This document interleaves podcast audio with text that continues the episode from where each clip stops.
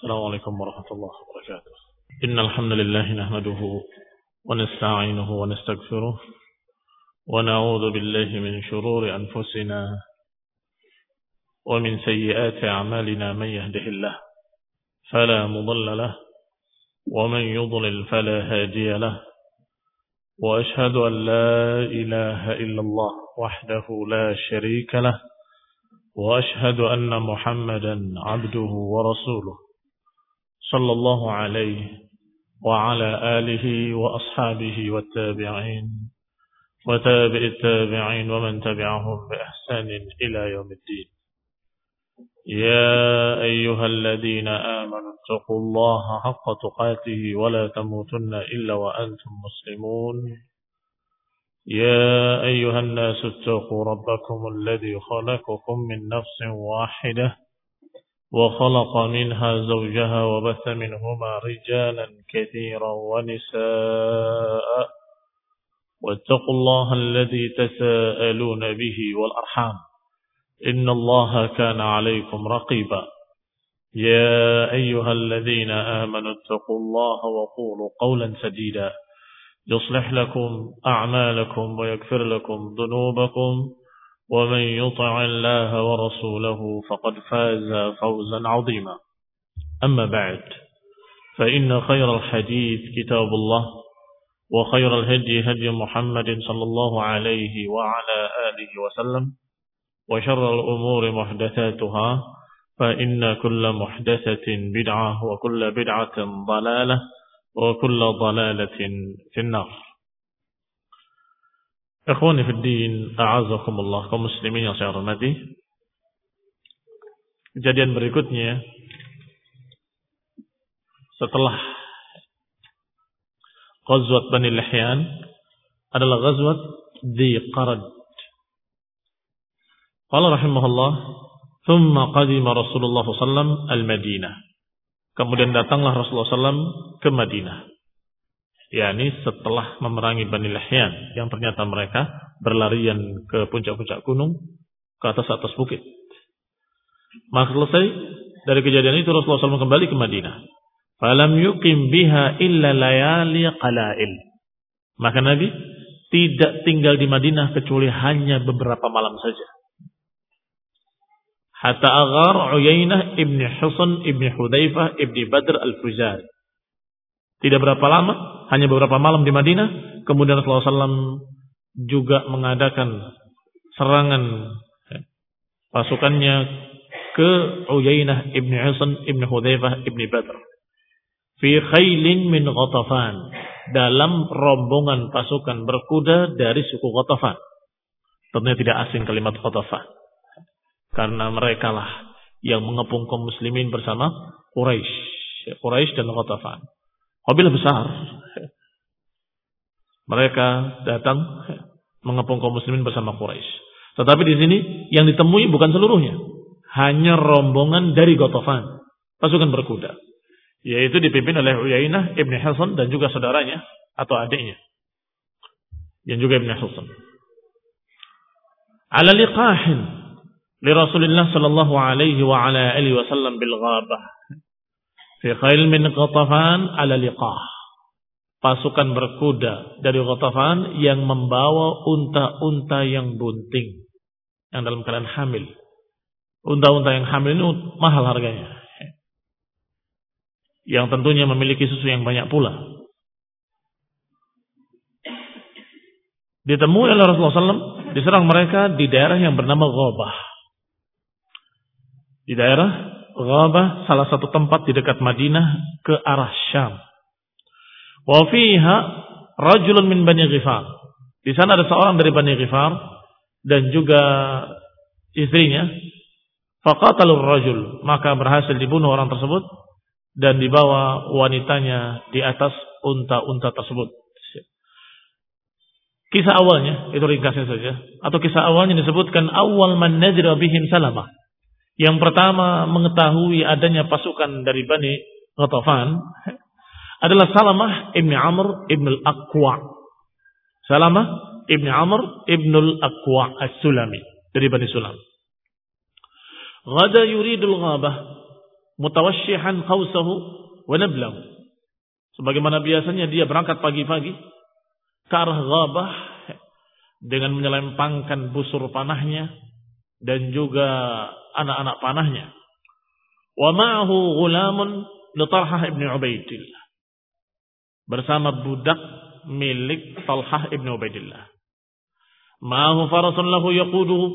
Dia membawa kuda yang dia pacu.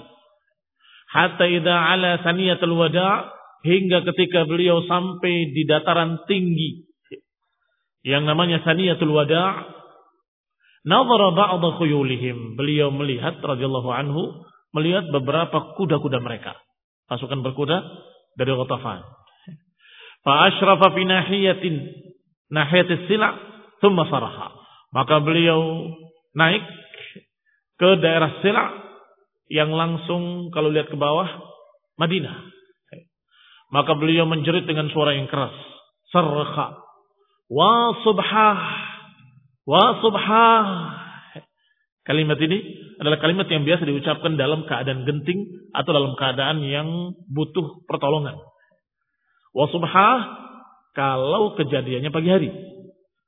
Kalau siang hari lain lagi. Wa gadah atau kalau sore hari wa amsah. Enam. Wa subhah duhai pagi yang perlu untuk segera didatangkan bala bantuan. Dan sering kali kalimat ini dipakai adalah untuk peperangan atau serangan-serangan musuh dan itu ma'ruf di kalangan orang-orang Arab. Sebagaimana disebutkan dalam kalimat lain wa sabahah wa sabahah. Thumma kharaja yastaddu bi atharil qaum. Setelah menjerit dengan suara yang keras dan dia yakin didengar oleh penduduk Madinah, kaum muslimin, maka Salamah bin Aqwa mengacu kudanya mislas sabur. Memacu kudanya mengejar mereka sendirian. Seperti binatang buas. Pernah lihat binatang buas yang mengejar buruannya?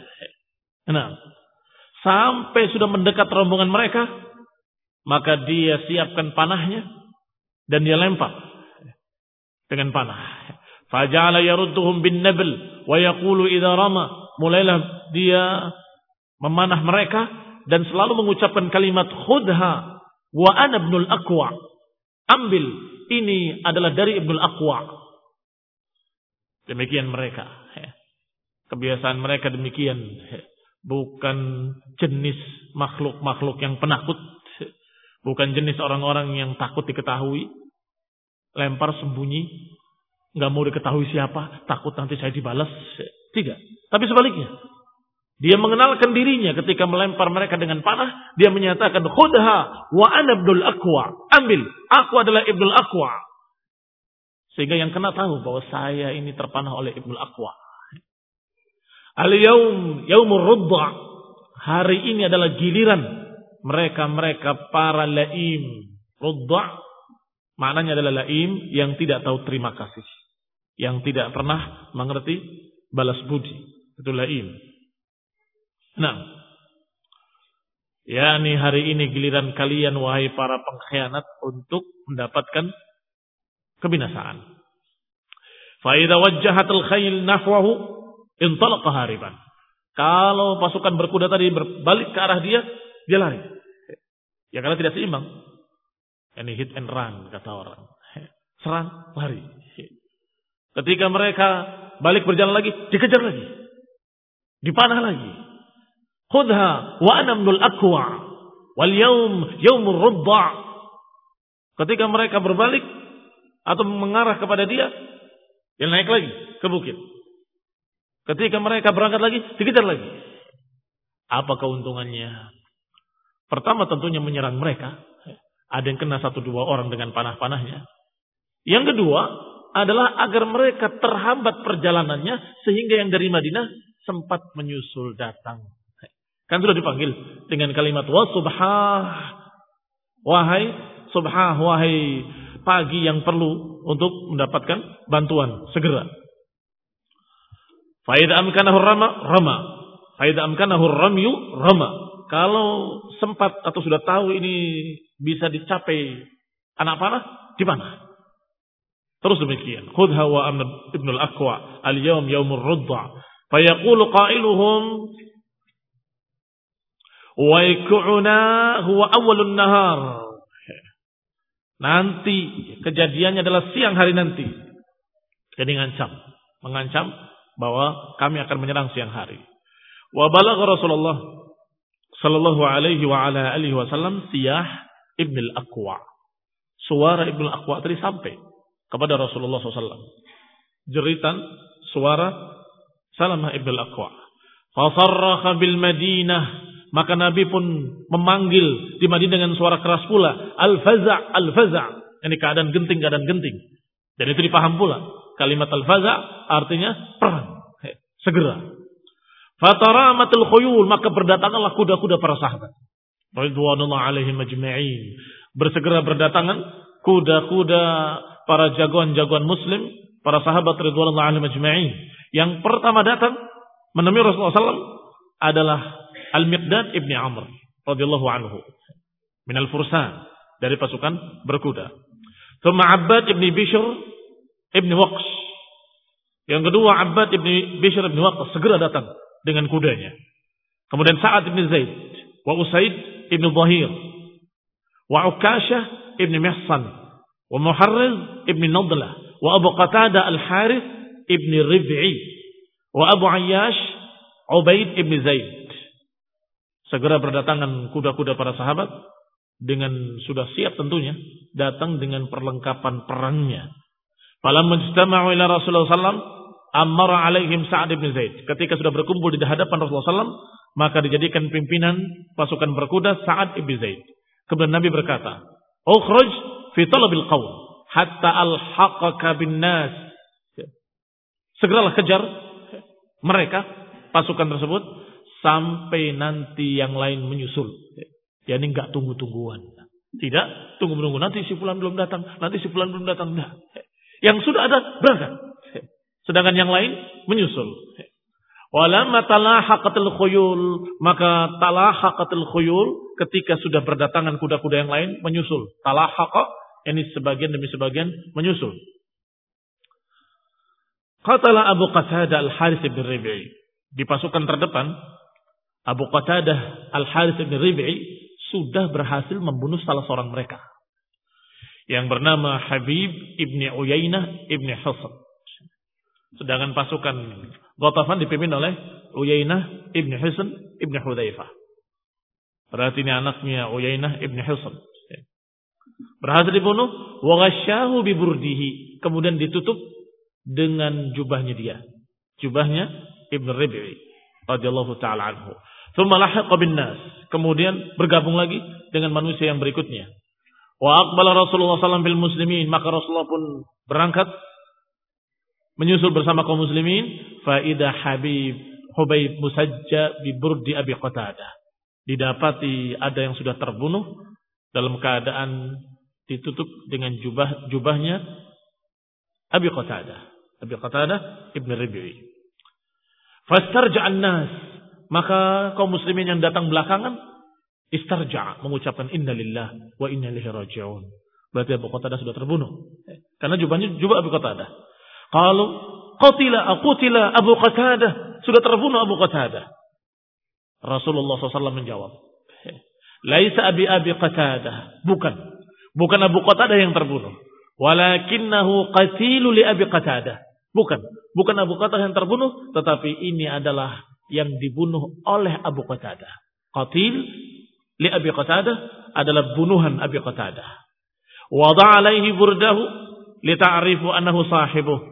Diletakkan jubahnya padanya agar diketahui oleh muslimin bahwa itu adalah dia yang membunuhnya. yang demikian karena memang sebagian aturan pembagian ghanimah adalah man qatala lahu qatil Barang siapa yang berhasil membunuh seseorang dari musuh, maka bagi dia perlengkapan perangnya. Paham? Yani kalau dia yang membunuhnya adalah Ibn Ribi'i, Abu Qatadah, maka perlengkapan perang dia itu milik yang membunuhnya. Begitu. Ini pembagian ghanimah di atasnya seperti itu. Adapun yang lainnya dibagi dengan cara lain. Tetapi apa yang menempel pada seseorang dari musuh, maka itu milik orang yang membunuhnya. Sehingga Abu Qatadah menandai dengan jubahnya. Kata Nabi bukan. Bukan Abu Qatadah yang terbunuh. Tetapi ini yang dibunuh oleh Abu Qatadah. Sengaja dia meletakkan jubahnya. Agar diketahui kalau itu adalah bunuhan Abu Qatadah radhiyallahu taala anhu. Wa adraka Ukasyah ibn Mihsan wa Aubar. Aubaran.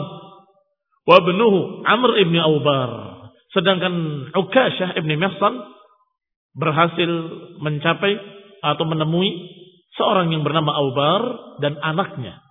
Aubar dan anaknya dari grup mereka juga dari Bani Qatafan yaitu Amr ibni Aubar.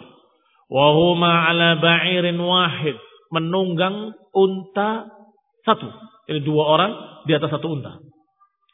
Fantadamaha birrumhi faqatalahuma jami'an. Maka Kasya ibn Mihsan langsung menombaknya dengan tombak dia dua orang dengan sekaligus. Terbayang? Satu tombak menembus dua orang.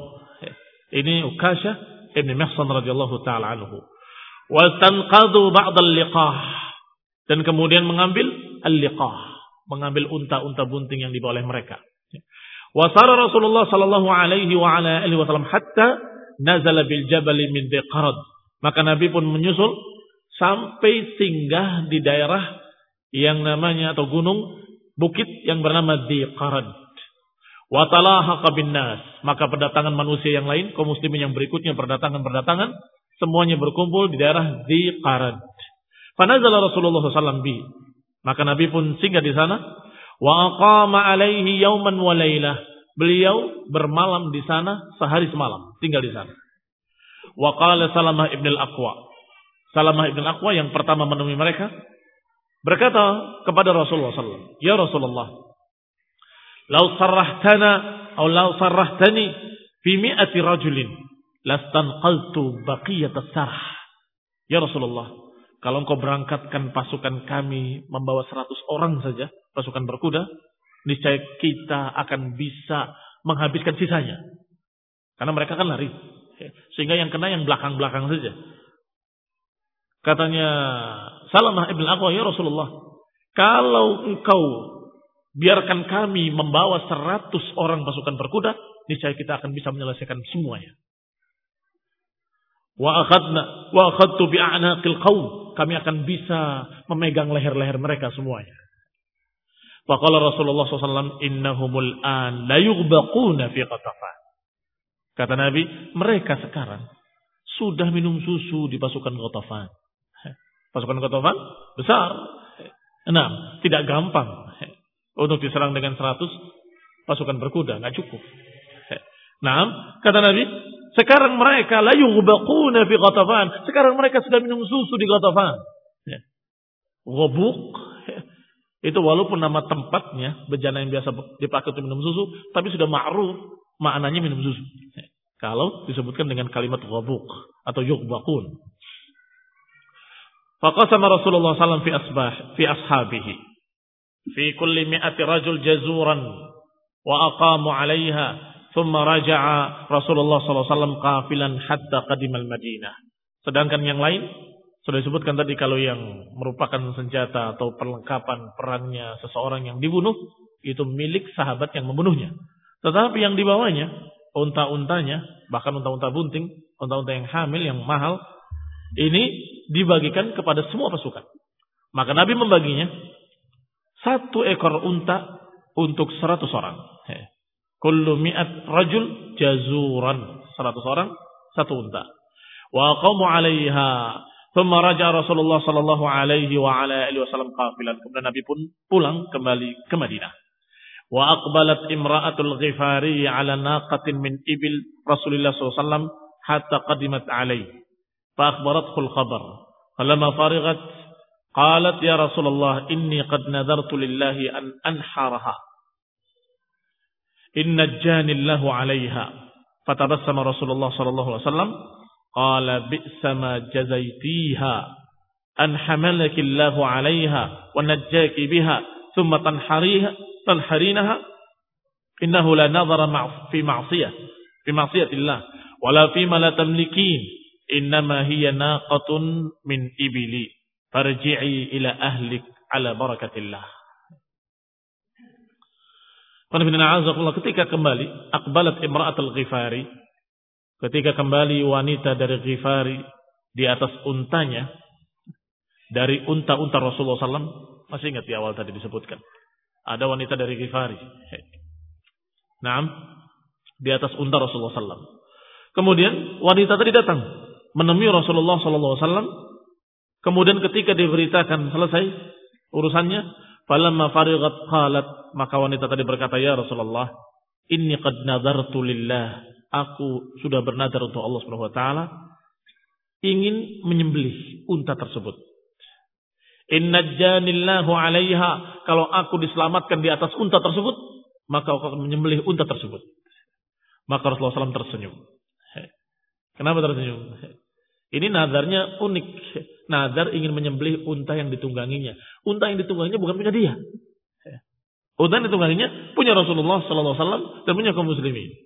Maka Rasulullah hanya tersenyum dan berkata, "Bi'sa ma jazaitiha an hamalakillahu 'alaiha wa najjaki biha thumma tanhariniha." Sungguh jelek sekali balasan kamu kepada unta itu. Hanya kembali kepada unta. Jazaitiha Sungguh jelek sekali apa yang kau balas terhadap unta itu. Engkau dibawa oleh unta tersebut, diselamatkan oleh Allah Subhanahu wa taala dengan unta tersebut. Ketika engkau sudah selamat dengan unta tersebut, engkau membunuhnya. Rasulullah tersenyum. Kemudian berkata, Innahu la nadhara fi ma'siyatillah. Sesungguhnya tidak ada nazar dalam bermaksiat kepada Allah. Wala fi ma la tamlikin. Tidak ada nazar dalam bermaksiat dan tidak ada nazar dalam perkara yang kamu tidak memilikinya. Kira-kira pelanggaran wanita tadi yang pertama apa yang kedua? Yang kedua nazar fi maksiyah. Yang kedua nazar pada apa yang tidak dimiliki. Yang mana yang dilakukan oleh wanita tadi? Yang kedua, menyembelih jazur bukan maksiat. Boleh, silakan. Aku bernazar kalau berhasil aku akan menyembelih unta dan dibagikan pada kaum muslimin, silakan. Tetapi yang jadi masalah untanya siapa? Saya kalau begini, kalau begitu, saya akan menyembelih untanya tetangga. Loh kok enaknya? Ini la tamliki.